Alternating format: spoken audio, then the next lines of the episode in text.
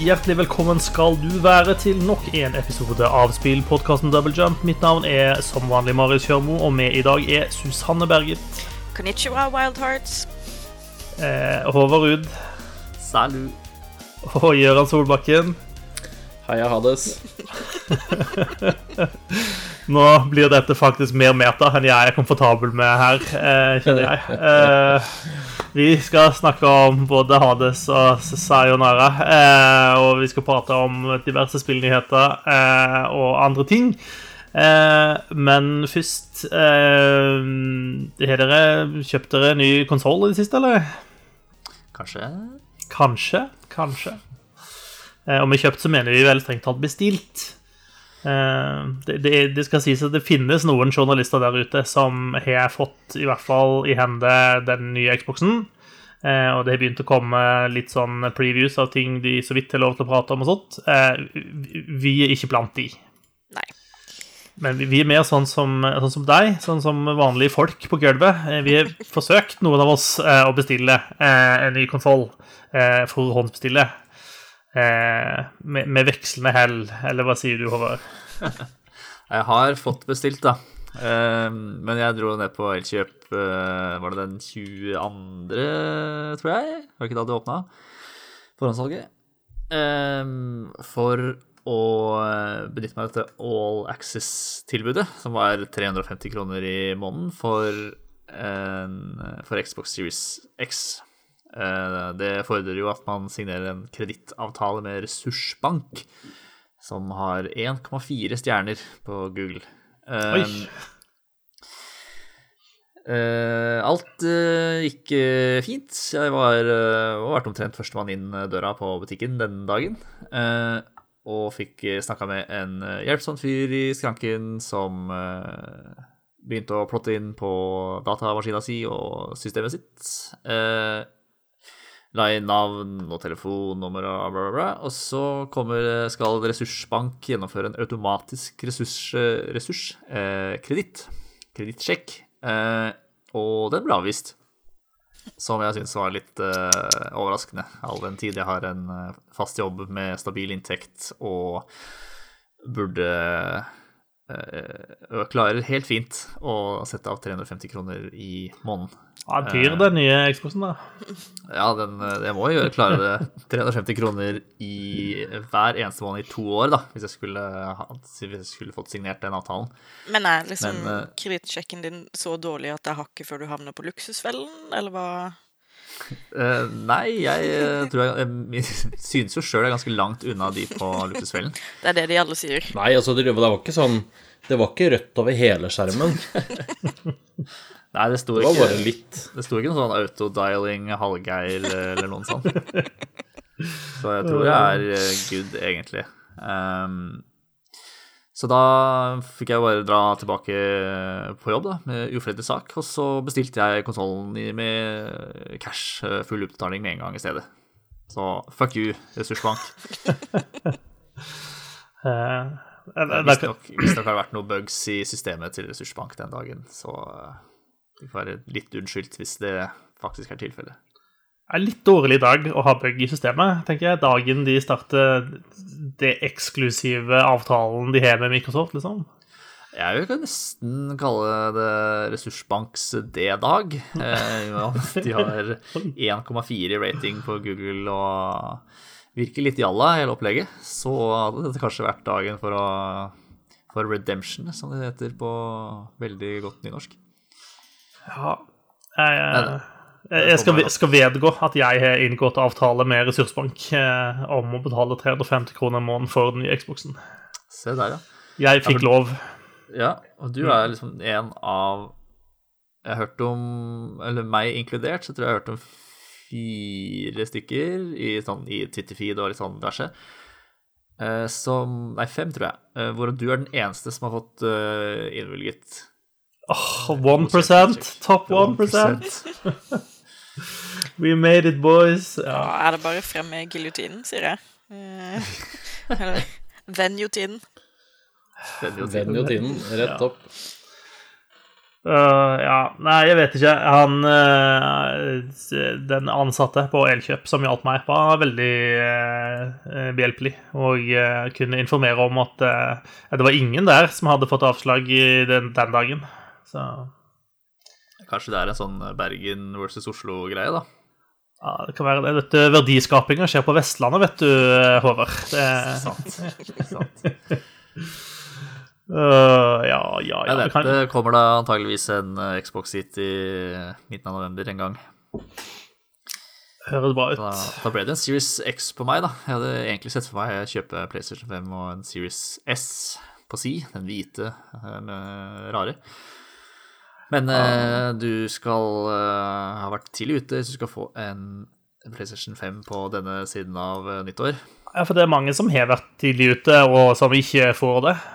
Uh, skal, skal vi tro eh, folk som har gjort sine forhåndsbestillinger tidlig hos eh, blant annet hos Komplett, da, eh, så har jo Komplett sendt jo ut eh, masse e-post til folk som bestilte vel så tidlig som i april, om at du får nok neppe din konsoll på release, i hvert fall. Ja, Var ikke dere tidlig ute der, Susanne? Var ikke dere veldig tidlig ute og bestilte PlayStation 5? Eh, jo, det er sånn 84 år siden, føler jeg. Eh, I, I 2020-tid. Mm. Uh, men ja, jeg, jeg vet ikke helt hva ståa er der. Jeg tror ikke vi heller får den sånn når vi burde ha den. Ja, Det virker som det er en sånn type dato der de bare De har gitt seg selv ekstremt god leveringsmargin. Sånn at alle blir sånn Å, shit, jeg fikk en skikkelig tidlig. Jeg så liksom den ene historien etter den andre som dukka opp sånn Hæ, jeg bestilte jo i juni, og så, jeg, så står det at jeg skal få den i mai. Ja, jeg bestilte i mai, jeg bestilte i april, og får den fortsatt ikke før jul. Ehm, så eh, det virker som Komplett har gjort eh, rota til eh, Komplett, holdt å si.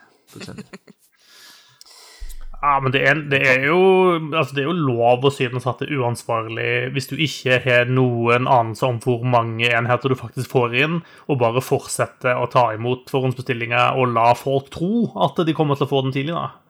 Ja. ja det det syns jeg Jeg syns Komplett har eh, håndtert det her eh, veldig dårlig. Ja. Jeg føler Det- er en veldig amerikansk måte å drive business på. Mm. Det var vel sånn, Ja. Sånn aksjemarkedet krasja i sin tid, var det ikke det? De bare fortsatte å dele ut forhåndsbestillinger på, eh, på konsoller, På PlayStation. Ja, stemmer. og så bare bam! Ja, det, det er derfor Ressursbank er så tilbakeholden, vet du, Håvard. vil ikke ha nytt eh, krasj. ja, ja, det, altså, det er jo historisk presedens for det, for å si det sånn. Ja, nå har vi solgt uh, fem PlayStation på, i Bergen, så da må vi stenge salget for Oslo. ja.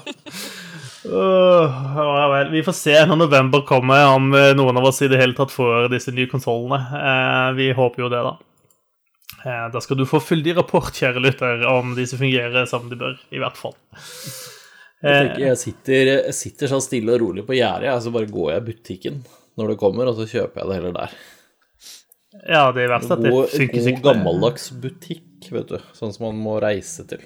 Du, jeg skal si deg det at Hvis du skulle bestille en eh, Xbox-konsoll med det All Access-greia, så måtte du faktisk fysisk i butikken for å gjøre det. Ja. Eh, Og jeg, skal si, og, og jeg, måtte gå, jeg måtte gå i lunsjpausen min, ned på butikken, eh, ned på kjøpesenteret her. og Det var, altså det var jo det var midt i pensjonisttimen, holdt jeg på å si. Så jeg følte meg jo som jeg var 70 år gammel. Eh, da jeg gikk. Eh, ja, nei. Hvorfor la meg bestille ting på nett, thank you. Yes. Jeg blander meg ikke med sånne konsollplebs som dere, så jeg eh, Wow. holder, holder meg til PC-en. Nei da, jeg skal se når det begynner å nærme seg, og hva det kommer i butikken, tenker jeg. Det, det er noen tusen omdreininger på den PlayStation din også, uh, Gøran. Det vet jeg. Det er helt riktig. Uh, vi skal, trenger ikke prate mer om det akkurat nå. Jeg har lyst til å høre litt hva dere har spilt i det siste, og hva dere driver på med. Eh, vi kan jo starte hos deg, Gøran. Ja, det kan vi godt gjøre. Jeg har, eh, jeg har eh, i all hovedsak spilt litt videre på ting jeg har snakka om tidligere. Det er 13 Sentinels som jeg spiller på PlayStation. Var det litt videre der. Det er et veldig rart spill. Eh, det er veldig sånn eh, Veldig typisk anime på en sånn måte at jeg syns det er litt kleint hvis kona mi kommer inn til feil tid. Um, for det er liksom eh, Jeg vet ikke om de som har tegna alle de figurmodellene der, har sett en ordentlig dame noen gang. Faktisk. Men er det ikke det? Det er, jeg er litt, litt sånn? Det er litt usikker. Jo, det er litt sånn. Og, og, og det er litt sånn Ja da, det er litt sånn anime-greie, så det, er det hører liksom til. Det er eh, Men eh, det er litt kleint, da. Det er faktisk litt kleint når hun ene som da er en sånn doktor, på ordentlig hadde tippa forover.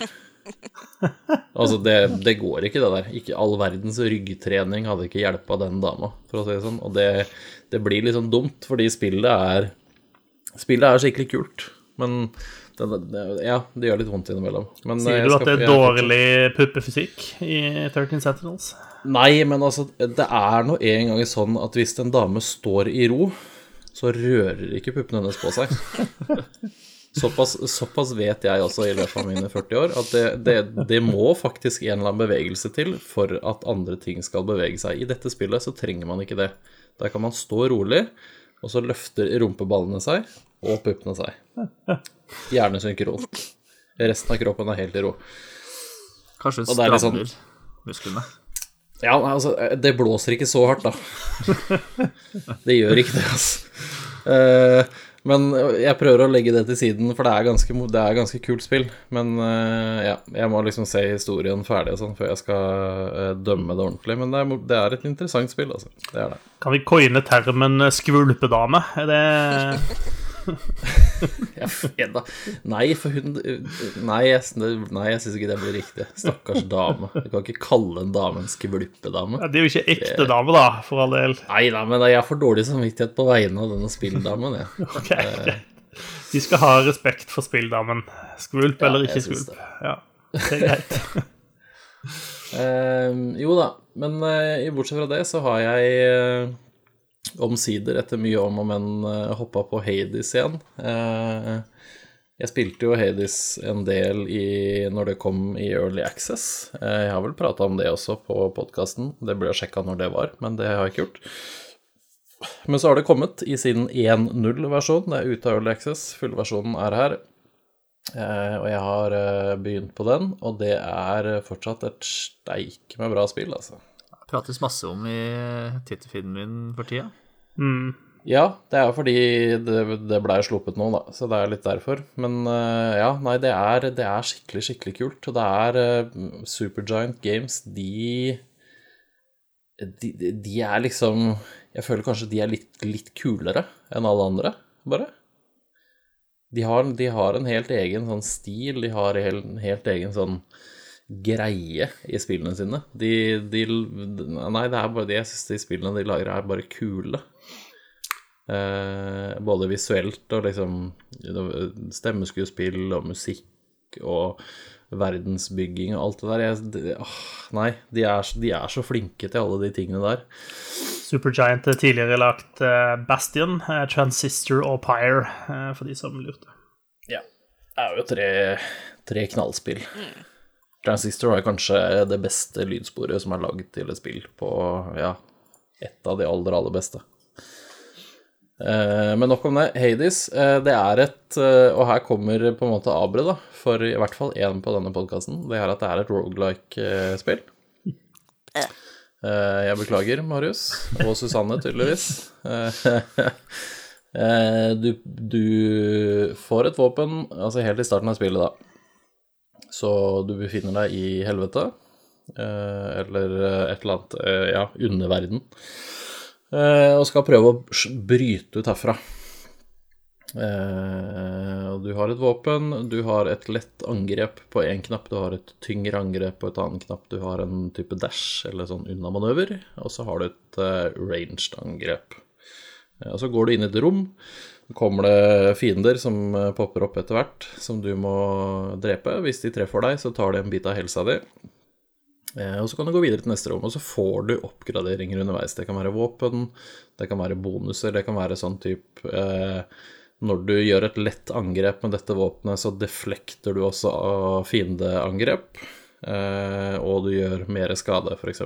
Eh, eller du kan få nye våpen. Og så eh, samler du inn den type currency, eh, og etter hvert da så kommer du til å dø. Fordi du får ikke igjen noe helse. Ikke sånn Ikke hvis du ikke finner et rom der du gjør det, f.eks., eller eh, Eller du har låst opp en perk som gjør at du får så og så mye helse igjen når du bytter et rom, f.eks. Det går an å gjøre, da. Eh, men i hvert fall, eh, du kommer til punkt der du dør, og så våkner du opp i en sånn blodbasseng. Og så går du, og så hilser du på fattern, som da er Hades, som sitter og ler av deg og sier ha-ha, du er dum, og du kommer aldri til å slippe deg herfra. Eh, og så er, eh, er det C Cerberus, den heter den derre djevelhunden med tre hoder. Eh, Høres riktig ut, ja. sitter ved siden av der. Eh, han kan du selvfølgelig klappe og kose med. Ja. Heter det ikke Nussi? Eh, og så er det mange av de Hva sa du? Heter det heter ikke Nussi, eller er det ja, Harry Potter? Eh, ja, det var Harry Potter. Stemmer. Eh, så er det masse av de Altså, det er, eh, det er liksom Hades og underverden, og det er Athena, og det er Akilles, og det er Nyx, og det er alle disse tingene her, og de har lagd en veldig sånn kul greie rundt liksom den mytologien her. Eh, det er masse historie, og det er det som kanskje er litt sånn ikke så typisk for roguelike, men som begynner Altså, det er jo mye av det en del av det òg, men det er mye historie å finne her. Det er masse kul dialog. Det er veldig mye kule figurer og mye kult stemmeskuespill.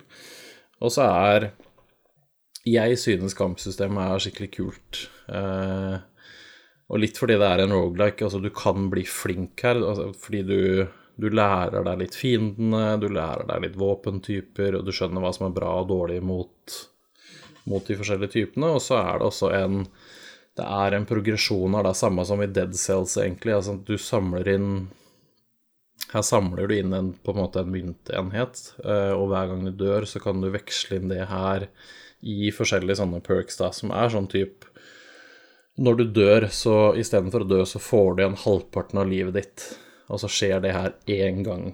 Eh, og så hvis du får en høyere rank, så kan det skje to ganger. Eh, Du kan øke skaden din, du kan få igjen x antall hitpoints hver gang du kommer til et nytt rom. Altså det er masse sånn du låser opp, så at det er ikke Selv om du dør og begynner på starten igjen, så begynner du aldri helt på samme plassen som du var.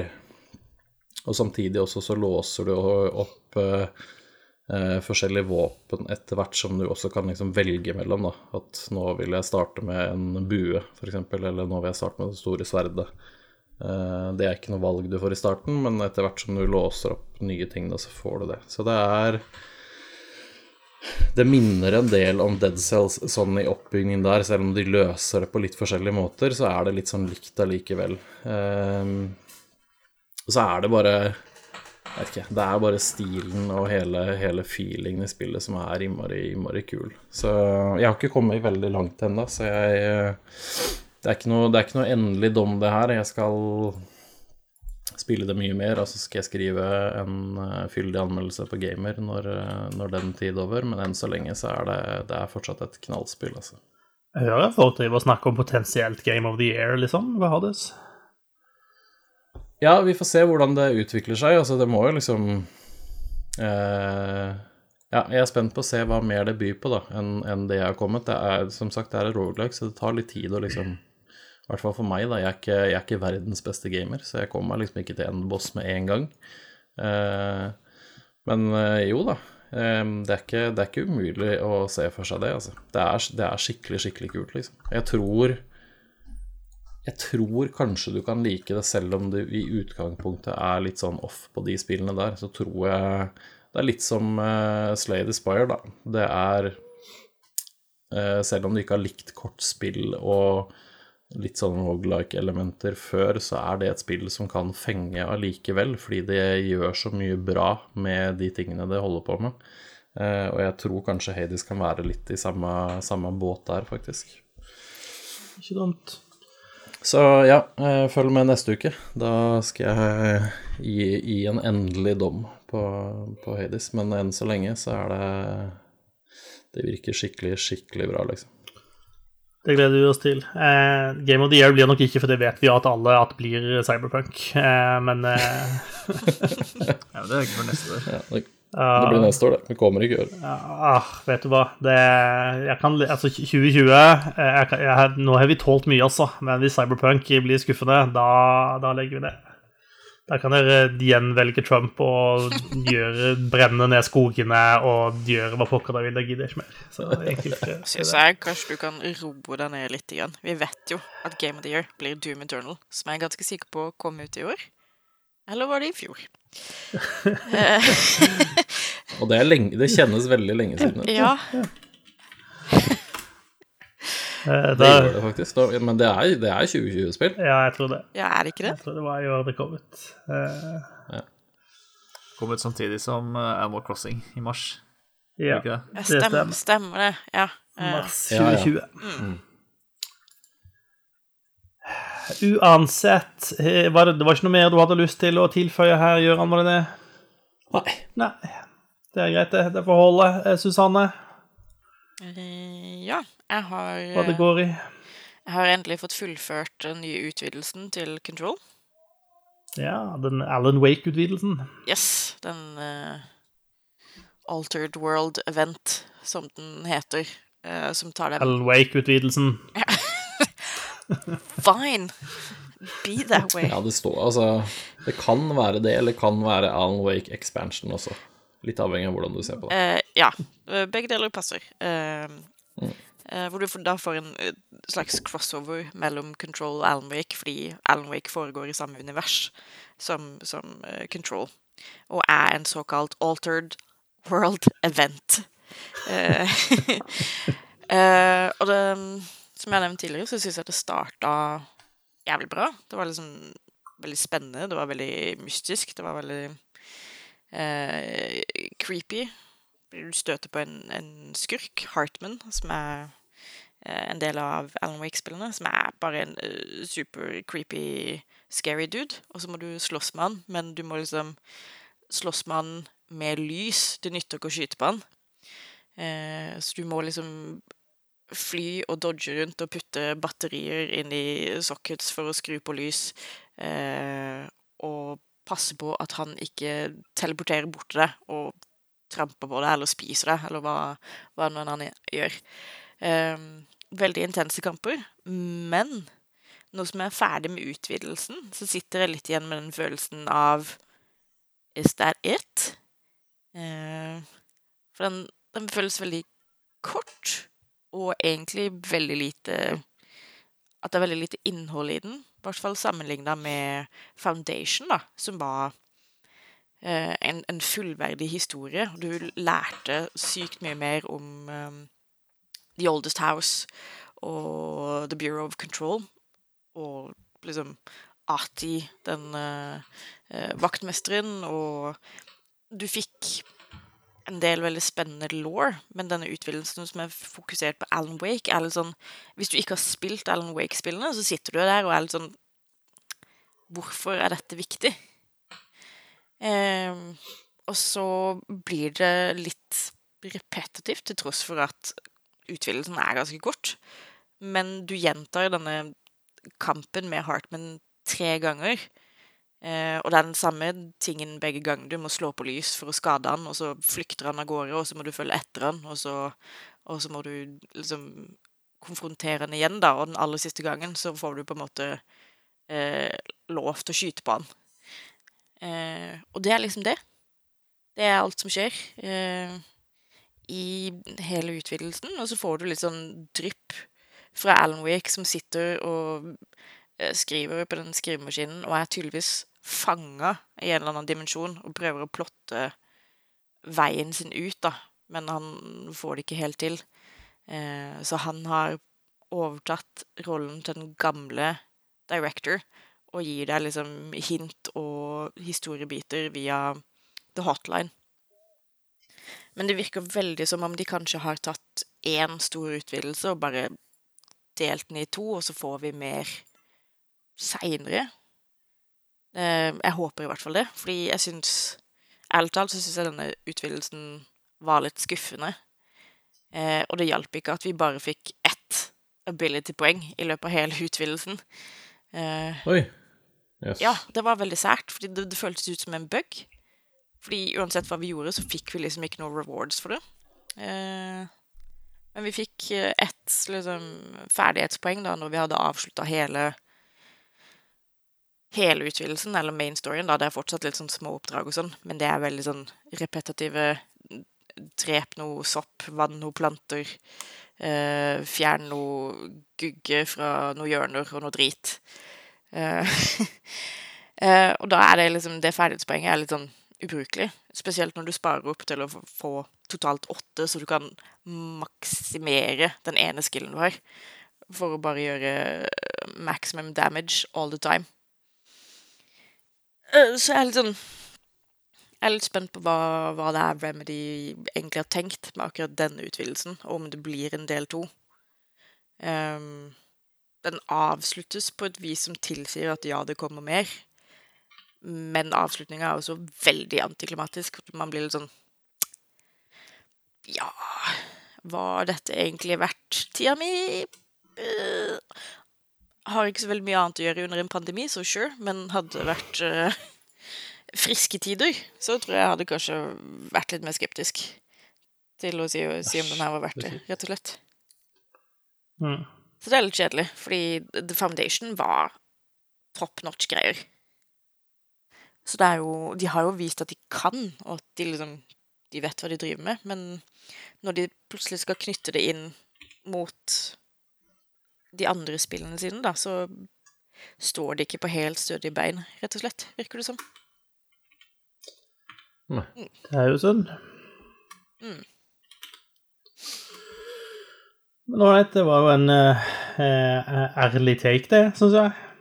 Ja, altså alle- Alle de som har hørt på, vet jo at jeg digger Control. måte.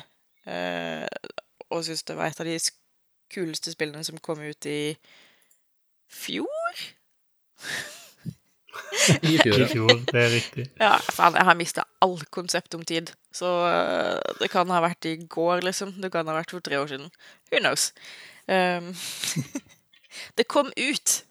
Uh, og da det kom ut, så var det jævlig kult. Så det er litt synd at de ikke har liksom greid å opprettholde det momentet de, de kjørte i gang med, med The Foundation. Control var vel uh, Double Jumps neste beste spill i fjor, hvis ikke jeg husker helt feil. Ja, det stemmer nok.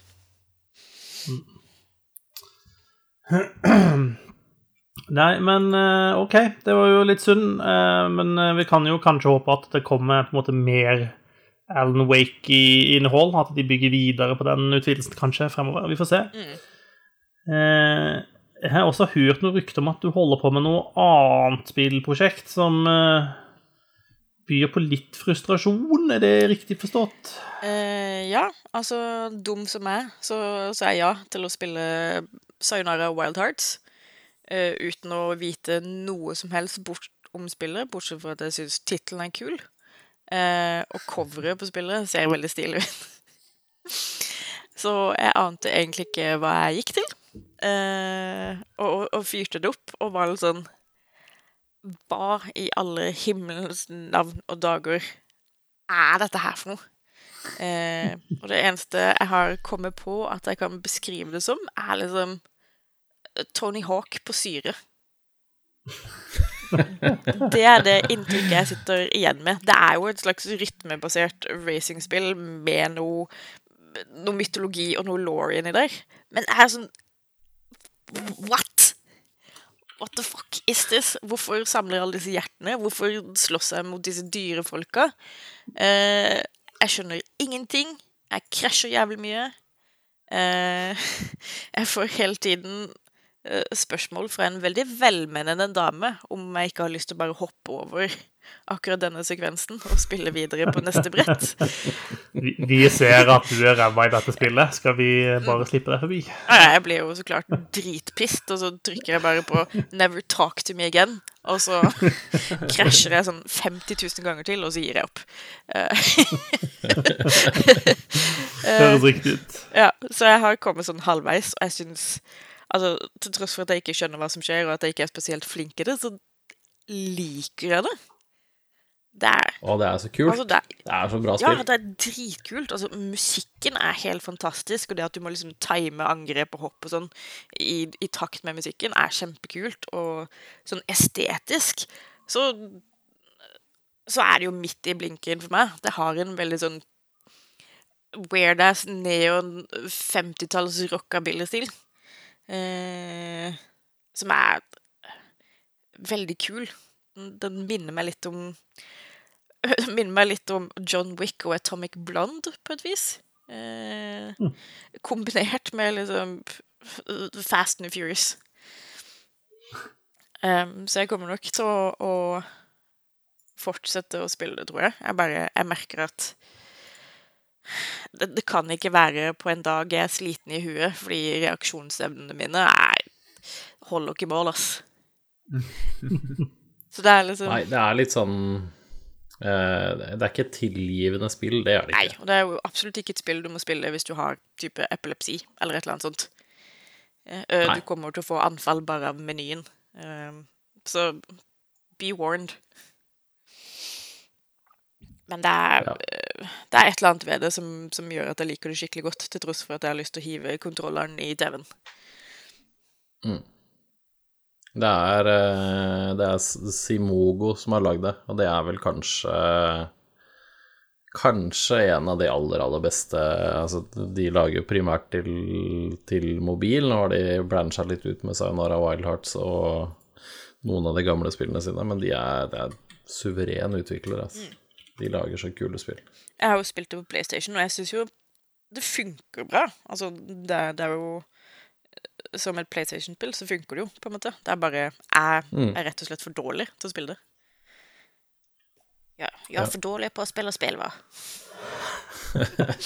Gitt Ja, men det er, ikke noe, det er ikke et lett spill, det er Nei. ikke det. Absolutt ikke. Jeg er med på den, altså. Men eh, det, altså, det anbefales. Rett og slett.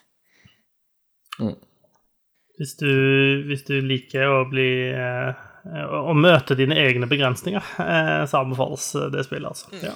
Ja. Du får det på Apple Arcade, da, hvis du har det. Så er det jo gratis der. Det er ikke greit, men en del av pakka der. Ellers er det på alt andre plattformer også. Hvis du er som oss som abonnerer på alt det går an å abonnere på, eh, så har du det inkludert. Ja.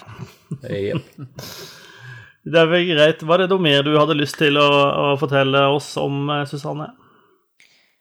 Nei. Det, det var egentlig det. Det var det. Ja, men eh, supert. Eh, Hva med deg og Håvard? Eh, Er det noe som frustrerer deg om dagen i spillene dine? Nei uh, Jeg har ikke spilt så mye nytt. Jeg har egentlig bare gjort meg litt mer ferdig med ting. Uh, kommet litt videre på vei i Paper Mario. Eh, begynt å eh, jobbe meg mot å låse opp alle videoene eller filmene i Tony Hawks Pro Skater 1 pluss 2, som innebærer at man må fang, eh, finne alle stat points til alle skaterne på alle brettene. Ehm, og det er ikke sånn Det er ikke så vanskelig at de gjør noe. Det er liksom, de er jo på, hver, på samme sted hver gang. Ehm, eller det er to forskjellige steder de kan være på, men det er samme pattern eh, hele veien, da. Så, ehm, så det er litt monotont, kanskje, men eh, det gir jo en sånn følelse av eh, av å, å, å fullføre noe. Så ser liksom de stat-barene øke, er jo også litt tilfredsstillende, da. Og så er det jo belønning i enden av uh, tunnelen. At jeg får se kule skatevideoer som er- varer sånn ett minutt. så jeg har bare igjen noen og tjue, eller ja, rundt 20 skatere, tenker jeg, å gjøre dette på. Har du, du hørt om dette i YouTube? Eh, Der har jeg hørt at det går an å få skatevideoer. Ja, Just saying. Men da må jeg, det, er, det er ikke like tilfredsstillende å søke opp en skatevideo på YouTube. Litt achievements. Ja, nettopp. så bortsett fra det, så har jeg vel egentlig ikke Er det ikke noe nytt å rapportere sånn egentlig, tror jeg? Ja, men det er greit. Det er lov, det. Sitter og venter på Xboxen skal komme. Det er bare halvannen måned til. Ja, ja. 43 dager eller noe sånt, tror jeg, i snakkende stund. Sett opp en countdown. Jeg har gjort det. Du det har gjort det, ja. Den er god. 42 dager, dager, står det nå. Uh, hvis du ikke har lyst til å vente på den nye Xboxen, så kan du allerede nå teste ut Project Xcloud uh, hvis du er GamePass-abonnent og har en eh, device eh, du kan strive til. Eh, Project Xcloud er da Microsoft sitt eh, ja, streamingtjeneste. Eh, hvor eh, du kan per i dag streame det meste av eh, GamePass-sortimentet ditt eh, fra skyen og til f.eks. din mobiltelefon. Eh, så sant det er ikke en iPhone, vel å merke, fordi der var det eh, litt eh, eh, litt trøbbel. Eh, men har du en Android-telefon, f.eks., eh, så eh, skal du kunne gjøre det. Eh, dette har jeg testa. Eh, med min Ja, hva i alle dager det heter? En Samsung Galaxy 8 eller noe sånt noe. Det begynner å bli gammel etter hvert. Eh, det fungerer greit. Det du gjør, er å Bluetooth-koble til en vanlig Xbox-kontroller, f.eks., eh, til telefonen, eh, som, som var en ganske smertefri prosess. Eh, og vips, så er du da klar. Det vil si, jeg måtte installere to apper for å få det til å funke. Jeg er ikke helt sikker på om det egentlig skal være nødvendig å gjøre det, men det var i hvert fall da det funka når jeg gjorde det. Eh, så Microsoft har en litt sånn eh, frynsete eh, rykte på en del av de appene sine. Eh, Men nå har jeg i hvert fall én app som heter noe sånn som GamePass, og en app som heter noe sånn som eh, Microsoft Game Streaming, eller noe sånt noe. Når jeg har begge de to sammen, så ser det ut til å fungere fint. Eh, Så det man da gjør, er å åpne GamePass-appen, og der får du oversikten over alle spillene, og da kan du i praksis bare trykke på play på spillet, eh, og så lastes det inn. Eh, Det tar litt tid å laste det inn. Det er ikke sånn instantly så er du inne i spillet. Eh, Men eh, når du så har kommet deg inn i spillet, så er det ikke så mye mer eh, lastetid. Jeg vil Jeg har gått hen og kjøpt meg De har lagd en sånn offisiell plastikkdings. De kaller det en clip. Som festes til en Xbox-kontroller. Og som da også holder mobiltelefonen for deg. Eh, Det anbefales, eh, i hvert fall hvis du har en mobiltelefon som meg, som, som ikke er kjempediger skjerm. Eh, For det er ganske knotete å sitte og spille med en kontroller på en mobiltelefon som eh, ligger på et bord, eller som du skal liksom sitte i senga og prøve så best du kan å stable opp med liksom beina dine, eller et eller annet sånt. Det, det funka ikke kjempebra. Eh, Men det ble ganske mye bedre etter at eh, jeg fikk den klippen, da. Eh, og litt sånn, eh, litt sånn innstillinger for å få den til å sitte og, Eller den, den holder telefonen helt fint, men det er litt sånn hvilken vinkel skal du ha det i for at det skal være balansert riktig, at ikke det skal føles for tungt, sant? for du er jo vant med vekten til en, en Xbox-kontroller i nevene. Eh, Men når du liksom da også får vekten til mobiltelefonen oppå den, så hvis, hvis den er vinkla litt feil, så, så føles det ut som det blir veldig tungt. Men hvis du bare ja, Litt sånn tilpassing på, på vinklene og hvordan du sitter mens du spiller og sånt, eh, så fungerer det ganske greit. Og, og jeg vil si det er en grei, et greit substitutt for en, en håndholdt konsoll, da. Eh, når det gjelder selve streaming-biten av spillene, da, så jeg har test, så langt har jeg bare testa to spill. Eh, jeg skal tenkt å teste mer. Eh, jeg starta med å teste Forsa Horizon. Eh, fire er det vel, er ikke det det som er det siste? Dere som kan bilspill. Eh, i, I hvert fall. Eh, jo, Ja. Det stemmer vel. Jeg måtte tenke meg om litt, bare. Ja. Eh, og jeg tror ikke at Forza Horizon er det beste spillet å spille via den tjenesten. Eh, og det er litt sånn, Nå, ikke, nå spiller ikke jeg bilspill til vanlig, eh, og jeg har ikke spilt noe særlig Forza Horizon heller, så jeg har ikke liksom det beste sammenligningsgrunnlaget sånn sett. Eh, men det oppleves som om det er er liksom en bitte, bitte liten delay på kontrollene. Eh, og det er i et bilspill der du liksom kjører i 290 km i timen, eh, så er på en måte den bitte lille delayen i når du begynner svingen, det er liksom nok da, til at du ryker utafor. Eh, altså, er skikkelig dårlig bilspill i tillegg, da. Eh, det, det, hjelper jo selvfølgelig ikke på. Eh, jeg, men jeg opplevde liksom at sånn jeg, jeg, følte at jeg på en måte jeg måtte begynne å svinge før jeg egentlig hadde tenkt at jeg skulle begynne å svinge. på en måte. Du måtte liksom venne deg til at det var en bitte liten delay. da. Ehm, for at det skulle funke. Og det, det, det, går an, du blir vant med det, men jeg, jeg syns ikke det var optimalt. Um, og jeg syns eh, Jeg opplevde også eh, Du må på en måte ha bra internett. Uh, jeg fikk ganske tydelig beskjed fra appen om å switche over til ja, hva blir det, fra 2,4 til 5 GHz nettverket mitt, eller noe sånt noe. Uh, og det var absolutt anbefalt. Eh, så når, når, jeg satt nede i kjelleren, så funka det dårlig. Men når jeg på en måte gikk opp i stua, der faktisk routeren min står, og switcha til det nettverket, så fungerte liksom streaming-biten greit. Da Da ble jeg kvitt litt sånn hakking og sånn som jeg hadde nede i kjelleren. Men så testa jeg å spille noe som på en måte tenkte var litt mindre sånn sekundkrevende. så jeg spilte litt Slay the Spire. Eh, og Det er også grunnen til at jeg ikke testa flere spill. fordi når jeg begynte å spille Slay the Spire, så ble jeg jo bare sittende og spille Slay the Spire, eh, som man gjør. Eh, men, men, det spillet fungerte helt ypperlig. Eh, det var liksom null problemer. og Der var det jo ingen, ingen Der merker du ikke at, at det eventuelt er noen delay på kontrollen eller noe som helst. Eh, så til det spillet så fungerte det helt utmerka. Eh, så jeg er litt spent på å teste det videre for liksom å se hvor bra er kontrollsystemet. Jeg tenkte jeg skal teste, teste Gears uh, og se hvordan det er der. Liksom skytespill hvor du skal sikte og sånne ting, og se hvor, hvor bra det funker. Eh, skal jo også sies, da, jeg har ikke den nyeste mobiltelefonen. Det kan jo være at det også spiller litt inn. Uh, men sånn førsteinntrykket mitt er egentlig at det fungerte overraskende greit. Det var ikke mye styr å få det installert, det var ikke mye styr å koble til kontrolleren, og disse tingene gikk ganske smooth og greit. Um, og GamePass-utvalget er jo ganske bra. Uh, men, men, jeg, jeg syns jo også at noen spill gjør seg ikke like godt på en så liten skjerm som mobiltelefonen, da. Altså, Forsa er ikke et spill som bør spilles på en så liten skjerm, punktum. Det tror jeg jeg kan si helt definitivt. Eh, så det, det, er noe der også. Men eh, for, som et førsteinntrykk eh, absolutt eh, godkjent.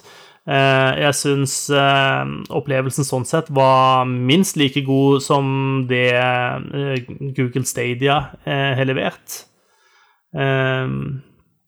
Så i den grad de skal være konkurrenter, og det skal de vel være, så, så ser dette, dette loven ut, da. Så det, det, kan alle som har sånn et eh, abonnement og har en Xbox, vanlig Xbox-kontroller liggende, teste ut eh, hvis de vil. Det koster ikke noe ekstra utover abonnementet. Det er jo tullete hvis det bare skal funke i stua, da. Da kunne du like godt spille på Xboxen din. ja, det kommer um, um, Det er ikke alle som, eh, Håvard, som, som får lov å ha Xboxen sin i stua. Okay. Just, just saying. Eh, nok om det. Eh, jeg tenkte jeg skulle også si et par ord om den nye nedlastbare pakken til Civilization 6. Um, de har sluppet De har jo hatt en sånn der season pass som de har drevet og solgt, eh, der de kommer med ganske jevnlige, eh, relativt små utvidelser til spillet. Den siste som kom i forrige uke, introduserer to nye sivilisasjoner. Det er da Bysants og gallerne. Eh, og den heter da Bysantium og en Gaul-pack, heter den.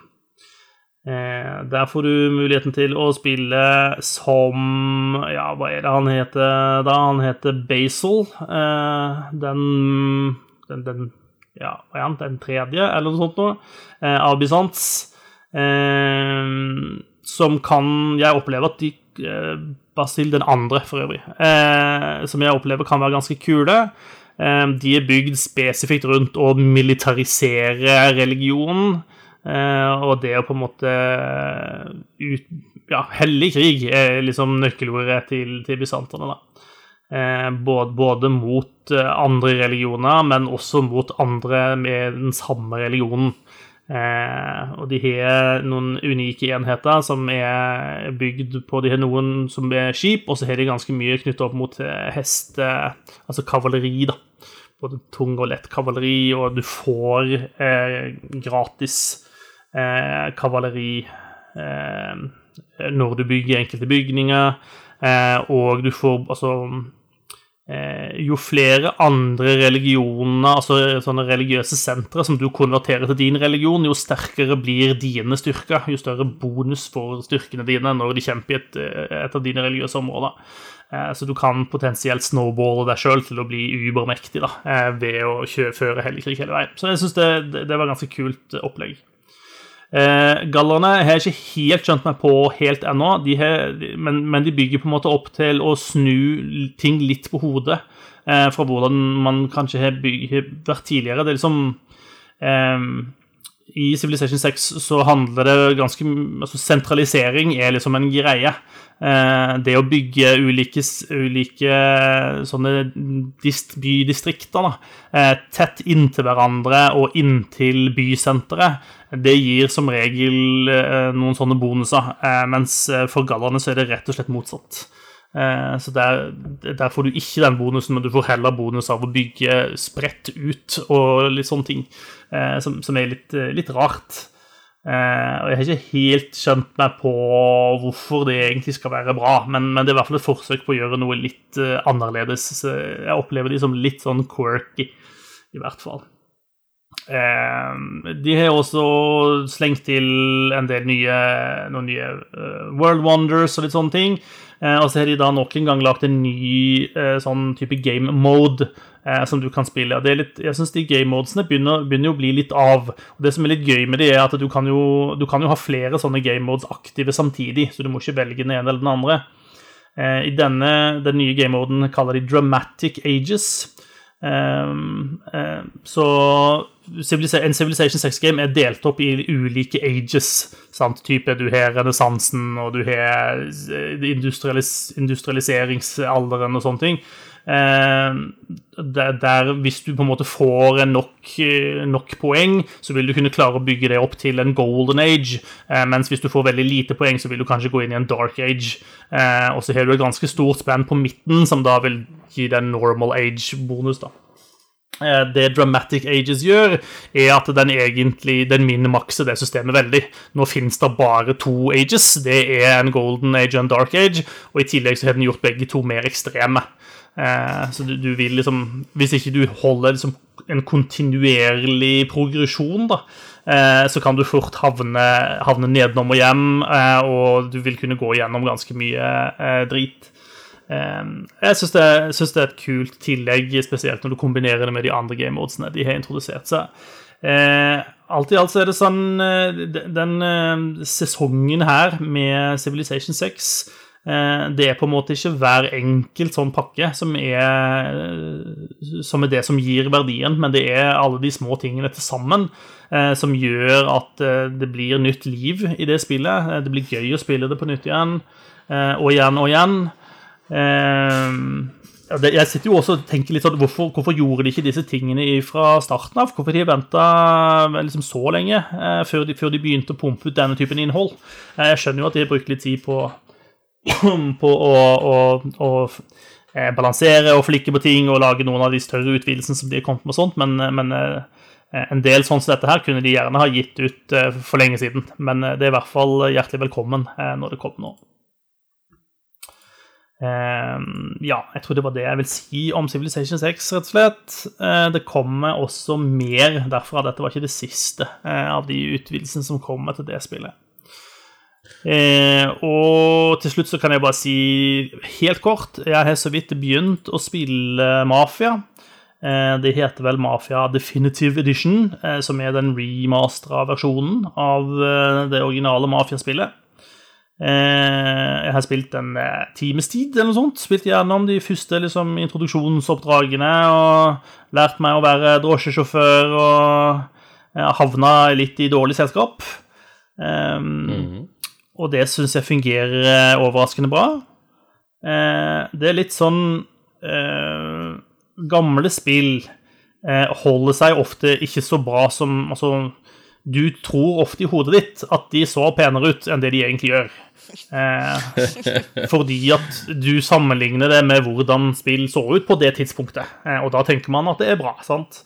Eh, mens når du går tilbake flere år etterpå og spiller det igjen, så ser du at dette var jo ikke så pent. Eh, så en suksessfull remaster er jo et spill som når du da spiller det nå, så tenker du at ja, dette så ut akkurat sånn som jeg husker det. Eh, og det gjør dette, eh, som betyr at det ser åpenbart mye bedre ut enn det det egentlig gjorde, og da har de altså gjort noe riktig. Litt klotete forklart, jeg syns, jeg syns spillet ser pent ut til, til, til, å egentlig være et gammelt spill.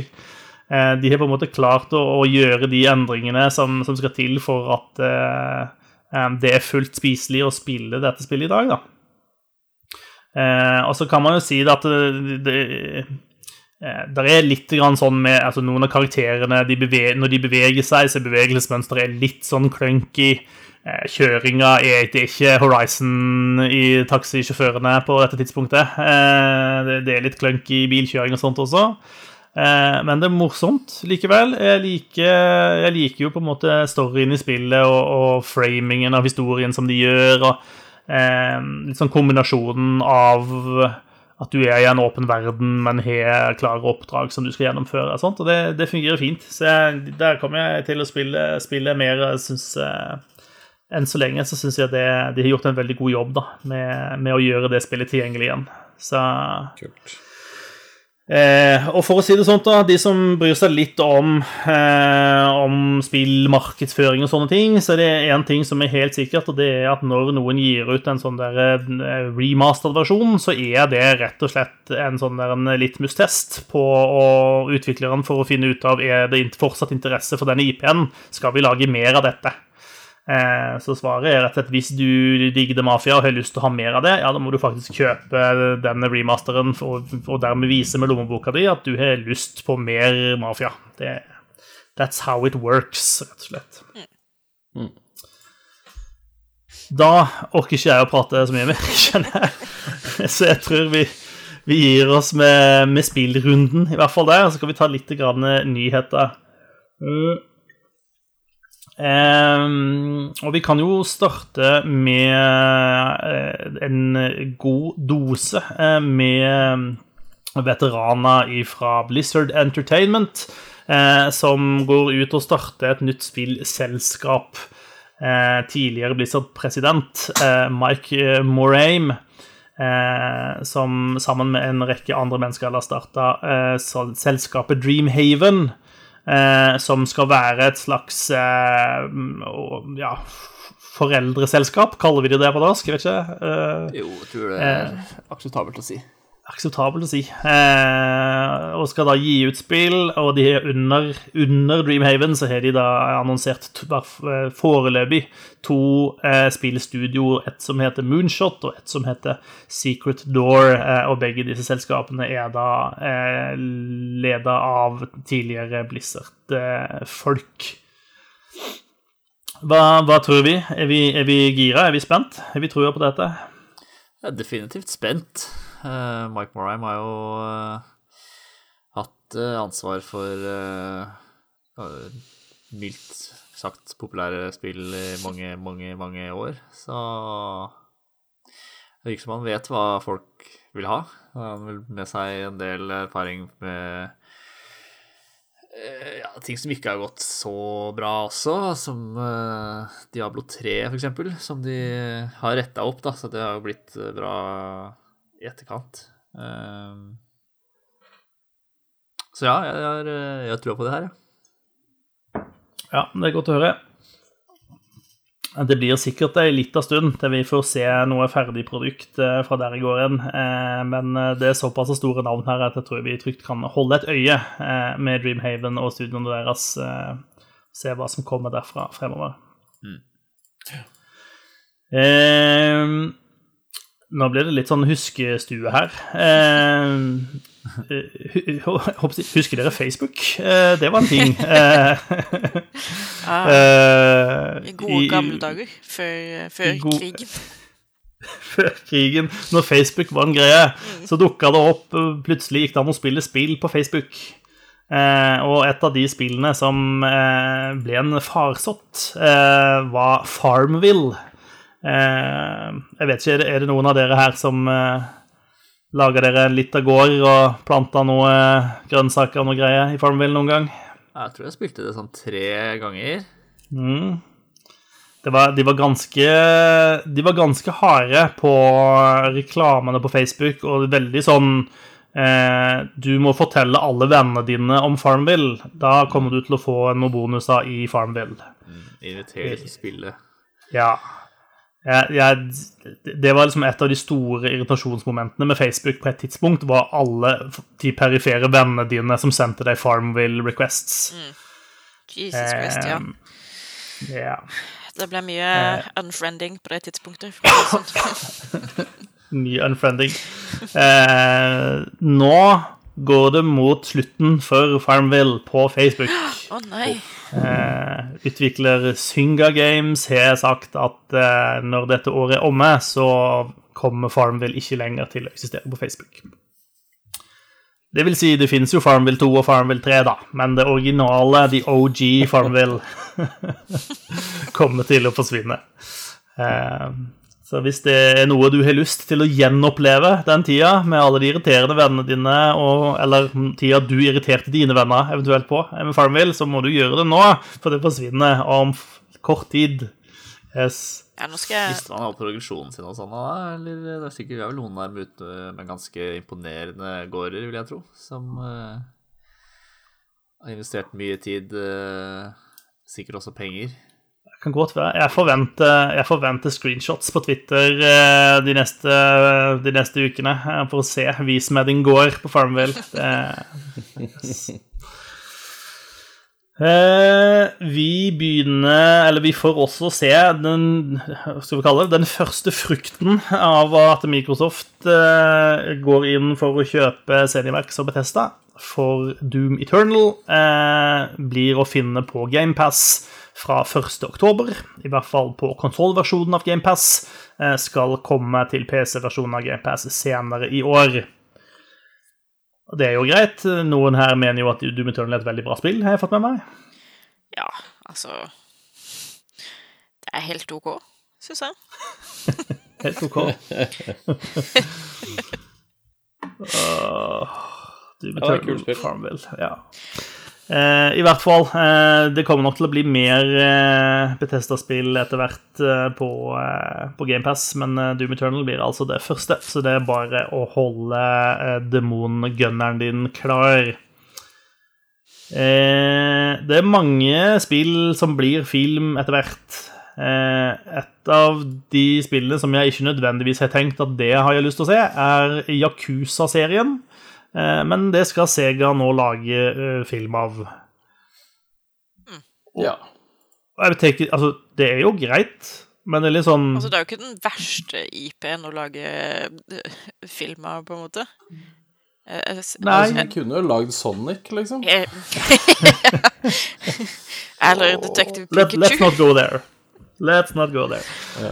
Eh, altså, de- men, men jeg tenker, hva gir Yakuza-navnet, Yakuza-IP-en, til den filmen? Altså, Kunne de ikke ha lagd en beinkul eh, liksom, japansk gangsterfilm uten at det hadde noe med Yakuza-serien å gjøre? på en måte? Eh, Altså, når de bruker navnet Yakuza, så kan de jo også ta volden til et helt nytt nivå, føler jeg. Fordi slåssinga i Yakuza-spillene er jo bare sprø. Eh, Og ikke, ikke at liksom Japanske filmer skyr fra å lage, inkludere sprøvold i filmene sine, men nå kan de liksom ramp it up to 11. Eh, og, og kjøre ekstra hardt på absurditeten når det kommer til plott også. Det, Ja, altså du, det, det, det er jo de Ved å bruke Yakuza-navn, så altså er det på en måte Da er det ingen sperrer. Mm. Det er sånn fritt fram, gjør akkurat det du vil. For det, det har mest sannsynlig skjedd i et av de 26 spillene som har kommet til den serien nå. Jeg tror det kommer til å bare bli en slags sånn Jeg ser for meg en slags kung fu hustle-type film. Bare med liksom Ja. Yakuza slengt på. Ja. Nei, men det er visst Altså, for de som har spilt spillene, så er det Det er jo visstnok en kul historie der også. eh, som spenner seg over eh, en hel haug med spill. Altså, jeg har spilt, det- jeg har spilt noen av Yakuza-spillene, og det er mm, Ja, altså, det er en historie. Ja. Ja, Det er nei, jeg, jeg har ikke Jeg har bare vært innom et par av spillene. Jeg, har ikke, jeg kan ikke Jeg kan ikke på hånda på hjertet si at jeg liksom har spilt de ordentlig. Eh, men Jeg har sett på min samboer spille, og det ser jo bare ut som han driver med karaoke og dance battles mesteparten av tiden. Åh, oh, altså, hvis det, det Det kunne jo ha vært filmen, da. Tøffe sånne Yakuza-mafiafolk som synger karaoke og har dance-off, liksom. Altså, Det kan en slags den, eh, den japanske versjonen av den Eurovision-filmen til Netflix, egentlig, da. Ja. ja. Ja. Med japanske gangster. Jeg, jeg kan digge det. Vær så god, Sega. Det er bare å ringe. Vi, Ja. vi kjører manus, vi. Eh, Men dere må huske å sen sensurere de hostess-kafeene, fordi det tåler ikke vi her i Vesten å vite at dere driver på med. Nei. Det er for så vidt sant. Nei da, altså, det er jo Uh, Å, shit, The Witcher ble bra, folkens. Nå må vi bare hoppe på The Bandwagon mens den er ruller, og så må vi se om vi greier det. Ja. Altså, de skal jo lage film av Borderlands, så nå er jo alt lov, på en måte, tenker jeg. Ja. Hvis de bad guysene fra Borderlands 3 blir med der, så kommer jeg til å skyte e- enten meg selv eller noen andre. Fordi de er ganske irriterende, faktisk. Jeg håper, håper det er Claptrap som er hovedpersonen i filmen. Det burde det være, ass. Nei, nei, det burde ikke det. Nei. Slutt. Det er ikke sant. Ljug. OK, vi går videre. Um, Microsoft har hatt stor suksess med Flight Simulator, eh, hvor du kan eh, sitte i cockpiten og styre en rekke ulike fly, fly rundt forbi over hele verden. Eh, så nå er det flere som vil kaste seg på bølgen, og 15. oktober så kommer det et spill som heter Airplane Mode. Eh, som beskrives som en flight simulator for the rest of us. Eh, eh, så nå kan du endelig få oppleve en flight simulator hvor du er passasjer om bord på et fly. Eh, og skal eh, sitte i du, du kan få I starten så kan du velge mellom både en to timers og en fire timers flytur. Eh, fra Ja, du skal fly fra John F. Kennedy Airport i New York. Så kan du fly til enten eh, Nova Scotia i Canada eller Reykjavik på Island. Eh, og du får Er det da to eller fire timer real time? det er det jeg tror det er, skjønner du. Eh, og de har lagt inn du, sånn dårlig flymat. Eh, dårlig eh, underholdning på den dårlige kvalitetsskjermen du sitter og kikker på foran deg. Eh, det er gråtende babyer. Eh, det er liksom hele opplevelsen eh, du skal få. Eh, og også at det er elendig wifi på flyet. Eh, så de, de er liksom godt for å gi deg den ultimate flyopplevelsen. Og kanskje er det akkurat dette vi trenger. Sånn, nå som vi ikke kan reise så mye pga. covid og sånn, så kan vi liksom få den derre flyfølelsen igjen. Jeg syns det høres eh, helt spektakulært ut. Jeg bare håper man kan spille det i VR, for å få liksom eh, den ordentlige følelsen av å være stuck i et fly Ja. med en skrikende baby. Ja, der sier du noe. Det, det, om ikke det er inne allerede, så burde det bli det. Jeg er helt, eh, helt enig. Eh, Jeg kan jo si at jeg var ganske sjokkert av å få høre her om dagen at det er flere flyselskaper som nå har begynt å arrangere eh, sånne flyreiser til nowhere. Eh, rett og slett, blant annet er det i Australia så er det nå pga. covid-19 så kan du ikke reise noe sted, men du kan komme til flyplassen, så kan du sette deg i et fly, og så skal vi fly i fem timer rundt Australia og lande igjen på den samme flyplassen. Eh, og billettene til den flyturen eh, ble eh, solgt ut på ti minutter. Hva i faen? Så det liksom Fuck you, klimaforandringer og sånne ting. Eh, sånn, sånn driver vi på med, tydeligvis. Så, men nå, nå, nå slipper du å gjøre det. Nå kan du gjøre dette isteden. Eh, så 15. oktober på Steam, airplane mode, eh, og så kan eh, planeten få, få hvile litt isteden. Eh, kort tid før sending kom det en annonsering eh, fra Bergen. Eh, shocking news, eh, skriver de. Eh, Tesla Grad 2 er i utvikling, kan Rain Games melde. Eh, og det er jo kult. Testergrad var jo et stilig spill når det kom ut i hva, 2013, eller noe sånt. Ja, Det er en stund siden, i hvert fall. Ja, det er vel en 84 år Ja, det siden. det Jo, men ish. Yes. Det er et kult spill. Eh, gøy at det kommer. Et nytt sett. Det var, det var jo Det var bra, og det har, de har jo etter hvert greid å gi ut dette omtrent like mange ganger som Skyrim har kommet. ja. Det er jo imponerende jobb sånn i ettertid her, så Nei da, men kult for Rain Games. Jeg tror de, de har på en måte greid å eh, Jeg tror det er greid å liksom lage en liten sånn merkevære Merkevære, hører du? Merkevære. Eh, Merkevare ut av, ut av Tesla Grad, så Altså, det er jo et kult univers, da. Eh, det er det jo. Eh, så jeg, jeg syns det, det fortjener å bli flasha ut enda mer. Så det er spennende å Ja. se hva Tesla Grad 2 har å by på. Jeg tror Vi har vel ikke fått noe release date ennå, eh, annet enn at det er annonsert, og at de eh, er i full sving med å jobbe på det. ja. Så det blir kult. Eh, Amazon Luna er annonsert. Eh, det er da Amazon sin eh, cloud gaming service, eh, altså tilsvarende Google Stadia. Det kommer med en egen håndkontroller og skal kunne streame til PC, til mobile devices og til Amazons sin egne sånn TV-hardware. Det blir gjort tilgjengelig i disse dager via invitasjon eh, til en early access eh, dersom man bor i USA. Eh, det er uvisst når dette blir gjort tilgjengelig i andre regioner, altså i Norge. Eh, det kommer Det skal koste Ja, hva var det det sto av? 60 kroner? 6 dollar i måneden, tror jeg. 6 dollar i måneden. Eh, og de skal ha en sånn eh, eh, Altså, de skal ha egne spillkanaler eh, inn i dette her, og de, de har allerede på en måte fått inn en sånn Twitch-integrasjon i dette systemet. Så det blir jo spennende å se nøyaktig hvordan dette vil bli. Men, men det er dette som er fremtiden, folkens. Det er streaming av spill, altså. Ehm, og det er jo det Microsoft har uttalt også, når eh, si, vi gamle gamere er så opptatt av konsollkrigen mellom Microsoft og, og Sony og Nintendo.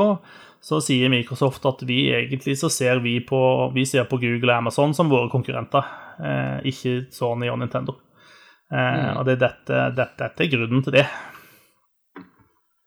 Men da, da må det jo skje et eller annet som gjør at når du kjører et bilspill, så må du ikke svinge før du egentlig føler at du må svinge. Ja. Det er, det er liksom det, det står og faller på akkurat den tingen der. Hvis de greier å løse det, så er det på en måte greit. Uh, nå spilte jeg Jeg spilte jo uh, ganske mye Path of Exile på Var det forrige Det var den forrige, forrige ligaen som jeg spilte via den derre eh, GeForce Now, eller hva det heter. Mm. Og det funka jo veldig bra da. Mm.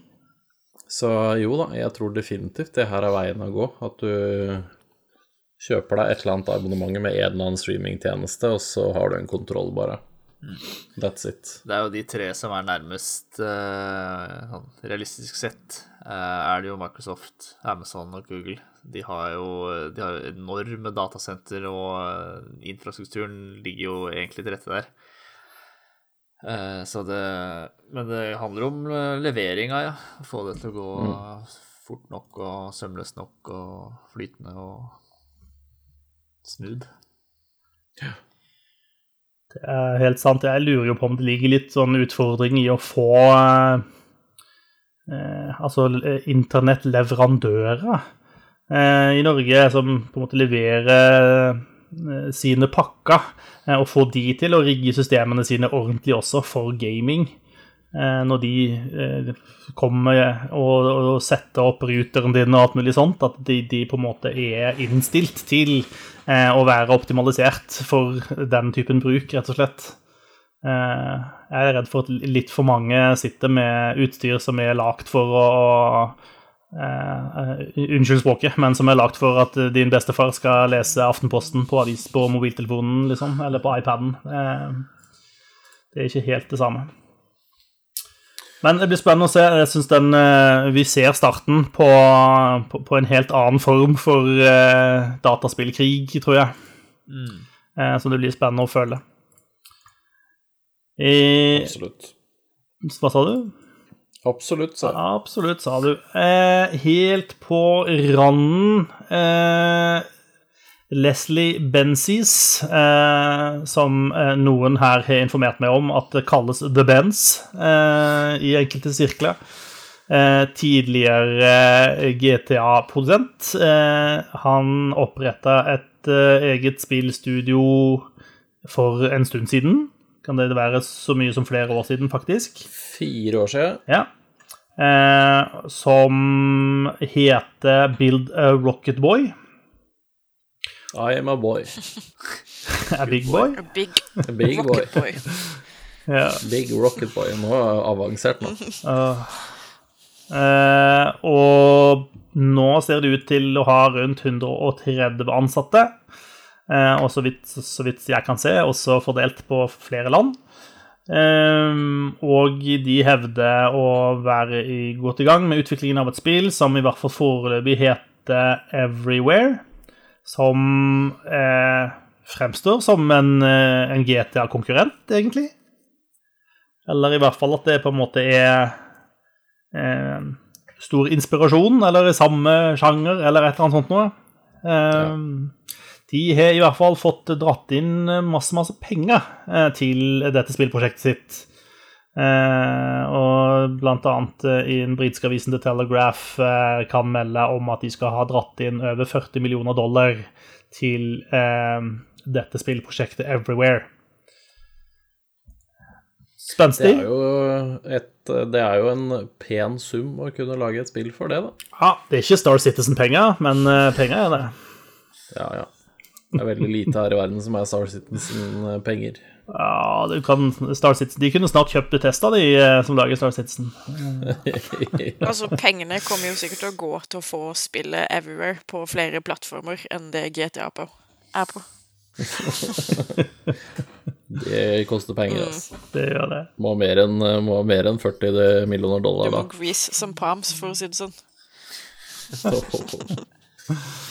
Ja, men The Bands, han, er vel, eh, han ble vel regna som fikseren inne i Rockstar, så dette, dette går nok bra, tenker jeg. Det, der tar vi ditt ord for det, Gøran.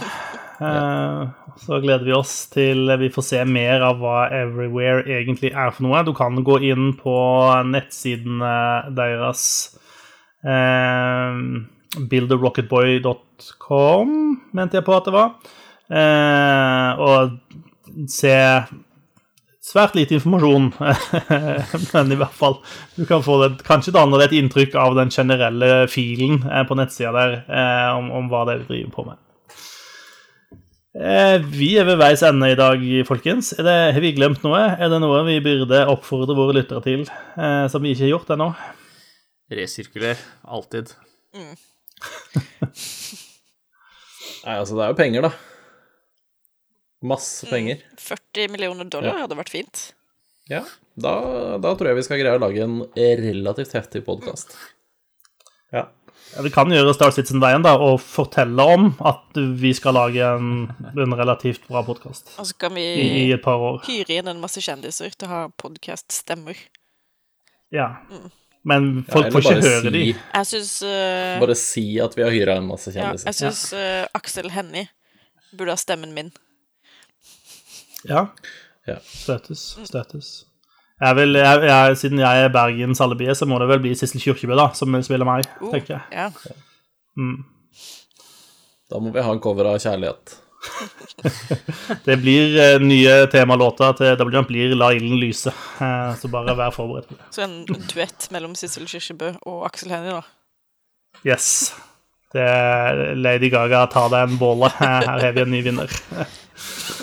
Åh, det er seigt på kvelden, hører du. Eh, Jeg tror det er på tide vi gir oss. Takk for at du holdt ut med oss i nok en episode. Og du skal jaggu meg se at vi er tilbake igjen om en ukes tid. Så inntil da, eh, sayonara. Ha det bra. Hei da. Ha det. Sayonara, du stjal Du stjal linja mi! Ha-ha. Ha det.